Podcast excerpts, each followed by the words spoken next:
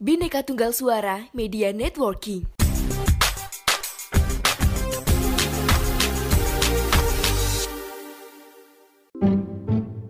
Halo Sobat Masa Lalu, kita ketemu lagi di Poseidon, podcast sejarah Indonesia di konten History for Life. Masih bersama saya, Saifuddin Alif, yang akan menyampaikan kasus-kasus terkini dari perspektif sejarah.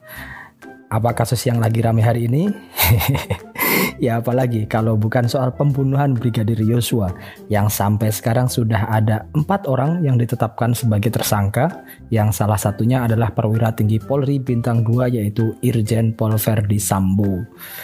Soal kronologi kalian pasti udah tahu lah ya, karena ini udah jadi perhatian nasional. Semua media juga memberitakan ini setiap hari.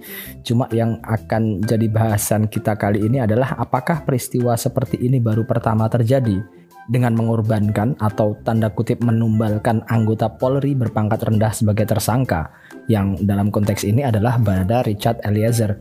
Ternyata enggak Ternyata kasus seperti ini sudah beberapa kali terjadi ya, meskipun korbannya kebanyakan orang sipil. Kita coba flashback ke tahun 1970. Jadi waktu itu ada kasus-kasus penganiayaan dan pembunuhan mahasiswa ITB yang bernama Rene Louis Conrad. Siapa tersangkanya? Tersangkanya juga polisi berpangkat rendah. Pada 6 Oktober 1970, sehari setelah peringatan Hari ABRI, Angkatan Bersenjata Republik Indonesia, terjadi peristiwa yang mencoreng institusi Polri. Taruna Akabri, bagian kepolisian, telah melakukan penganiayaan dan pembunuhan. Kejadiannya ini bermula dari pertandingan sepak bola antara mahasiswa ITB melawan Taruna Akabri Kepolisian. Pertandingan sepak bola ini diadakan untuk meredam pertentangan antara akabri kepolisian dengan mahasiswa yang tidak suka dicukur paksa. Karena tahun-tahun itu kan negara ini kayak jadi petugas moral ya, yang menganggap rambut gondrong itu nggak sesuai dengan moral Pancasila. Di tahun-tahun itu juga aparat penegak hukum dibantu taruna akabri kepolisian merazia rambut gondrong dan mencukur paksa laki-laki yang berambut gondrong termasuk mahasiswa. Di pertandingan sepak bola itu, Taruna Akabri Kepolisian kalah 2-0. Sudah kalah tambah diolok-olok sama pendukung mahasiswa ITB. Pertandingan itu pun cuma bikin malu Taruna Akabri Kepolisian. Dalam perjalanan pulang, bis Taruna Akabri Kepolisian berpapasan dengan seorang mahasiswa ITB yang mengendarai sepeda motor dan dia nggak ikut nonton bola sebenarnya. Namanya Rene Louis Conrad. Rene ngamuk gara-gara diludahi dari dalam bis Taruna Akabri Kepolisian tadi. Rene bahkan menantang pelakunya untuk turun dari bis untuk duel satu lawan satu. Beberapa taruna ternyata ikut turun, bukan duel satu lawan satu, tapi malah main keroyokan. Mahasiswa yang lain ke mana? Mereka dilarang mendekat ke tempat kejadian oleh polisi-polisi yang sedang berjaga. Rene ini disiksa di depan asrama F sampai terdengar letusan tembakan di tempat kejadian. Setelah pengeroyokan dan penganiayaan itu, ditemukan jenazah Rene tidak hanya ditemukan dalam kondisi babak belur tetapi juga tertembak. Lantas siapa pelaku penembakan? Gak ada yang ngaku. Bahkan ada isu yang beredar kalau pelaku penembakan adalah taruna anak dari petinggi Polri. Ya anak jenderal lah. Tapi kasus terus bergulir dan menjadi perhatian masyarakat yang tanda kutip memaksa Polri untuk segera menemukan pelakunya. Hasilnya gimana? Hasilnya adalah seorang bintara Brimob berpangkat Brigadir Polisi 2. Kalau waktu itu pangkatnya sih Sersan 2 ya. Karena disamakan dengan militer kan. Namanya Jani Maman Suryaman. Dia ditetapkan sebagai tersangka. Bribda Maman ini memang kebetulan bertugas di tempat kejadian. Menurut polisi, Rene ditembak dengan senjata laras panjang Carl Gustav Padahal kalau menurut penyelidikan, Rene ini ditembak dengan pistol Colt 38. Singkat kata, Bribda Maman diadili dan yang menjadi penasehat hukumnya adalah Adnan Buyung Nasution. Hakim menjatuhkan vonis kepadanya 5 tahun 8 bulan penjara. Menariknya, banyak yang nggak puas dengan putusan ini, bahkan mengecam.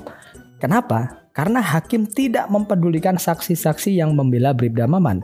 Bahkan hakim juga menolak argumentasi tentang hak asasi manusia dari pengacara. Hakim mengatakan kalau hak asasi manusia atau HAM yang disusun oleh PBB itu tidak cocok diterapkan di Indonesia dan tidak sesuai dengan Pancasila.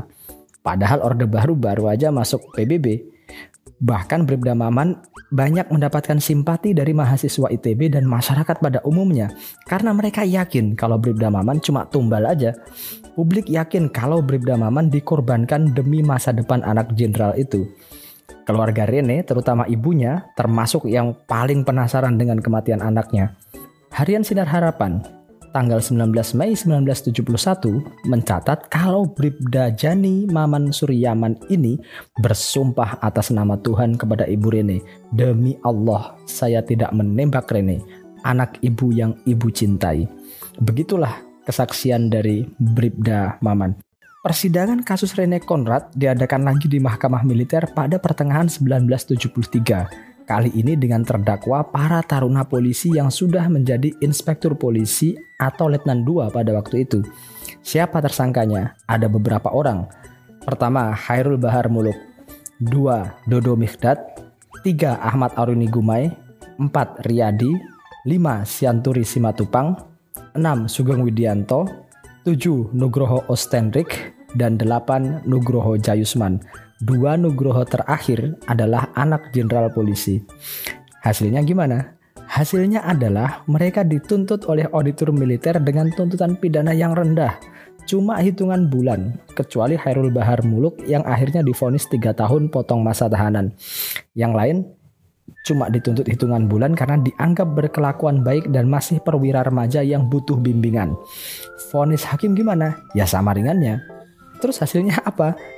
Ya kayak ya ya kayak nggak ngefek apa-apa. Bahkan ada juga dari para terdakwa itu yang jadi jenderal dan menjabat sebagai Kapolda Metro Jaya, yaitu Nugroho Jayusman. Nah, kasus-kasus kayak gini kan beberapa kalilah kita dengar. Kenapa? Ya karena ada semacam tradisi menyimpang di dalam suatu unit organisasi yang dinamakan Code of Silence atau kode senyap. Apa sih kode senyap itu? Kode senyap adalah kondisi yang berlaku ketika seseorang atau aparat memilih untuk diam dan menahan informasi baik atas keinginan sendiri maupun karena tekanan pihak lain. Tekanan atasan sih yang paling banyak ya.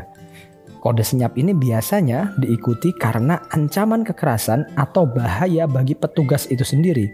Ya paling minim sih dicap sebagai pengkhianat kesatuan lah.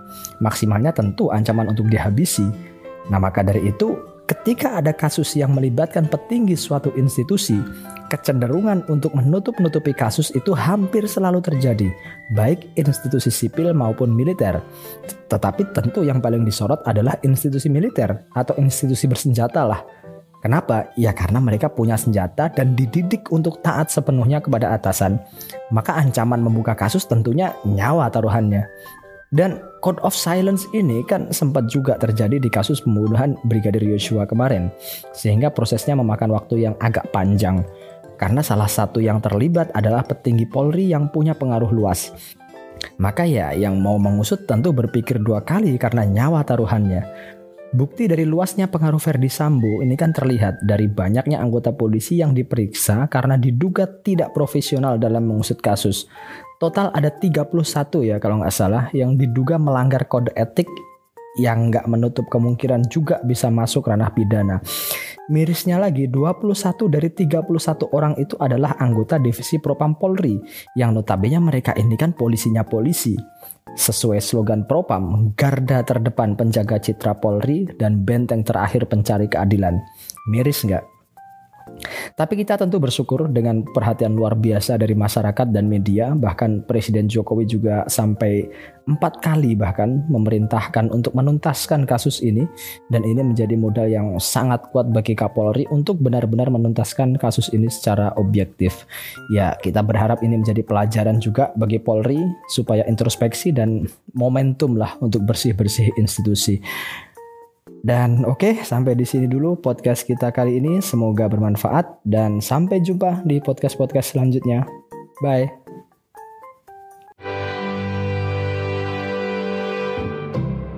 Terima kasih.